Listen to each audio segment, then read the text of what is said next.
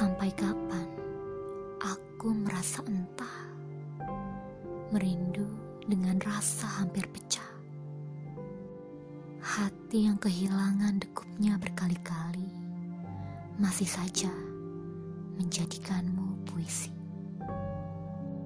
Barangkali kau tidak tahu bagaimana rasanya menunda dan kecewa. Setiap kali harus kusadari bahwa kita tak pernah lebih dari cerita sebatas kata. Andai bisa ku genggam tanganmu sebentar saja, dan ku buat kau merasakan apa yang kurasa, hingga mungkin kau mampu sedikit mengerti mengapa setelah sekian lama aku tak pula berhenti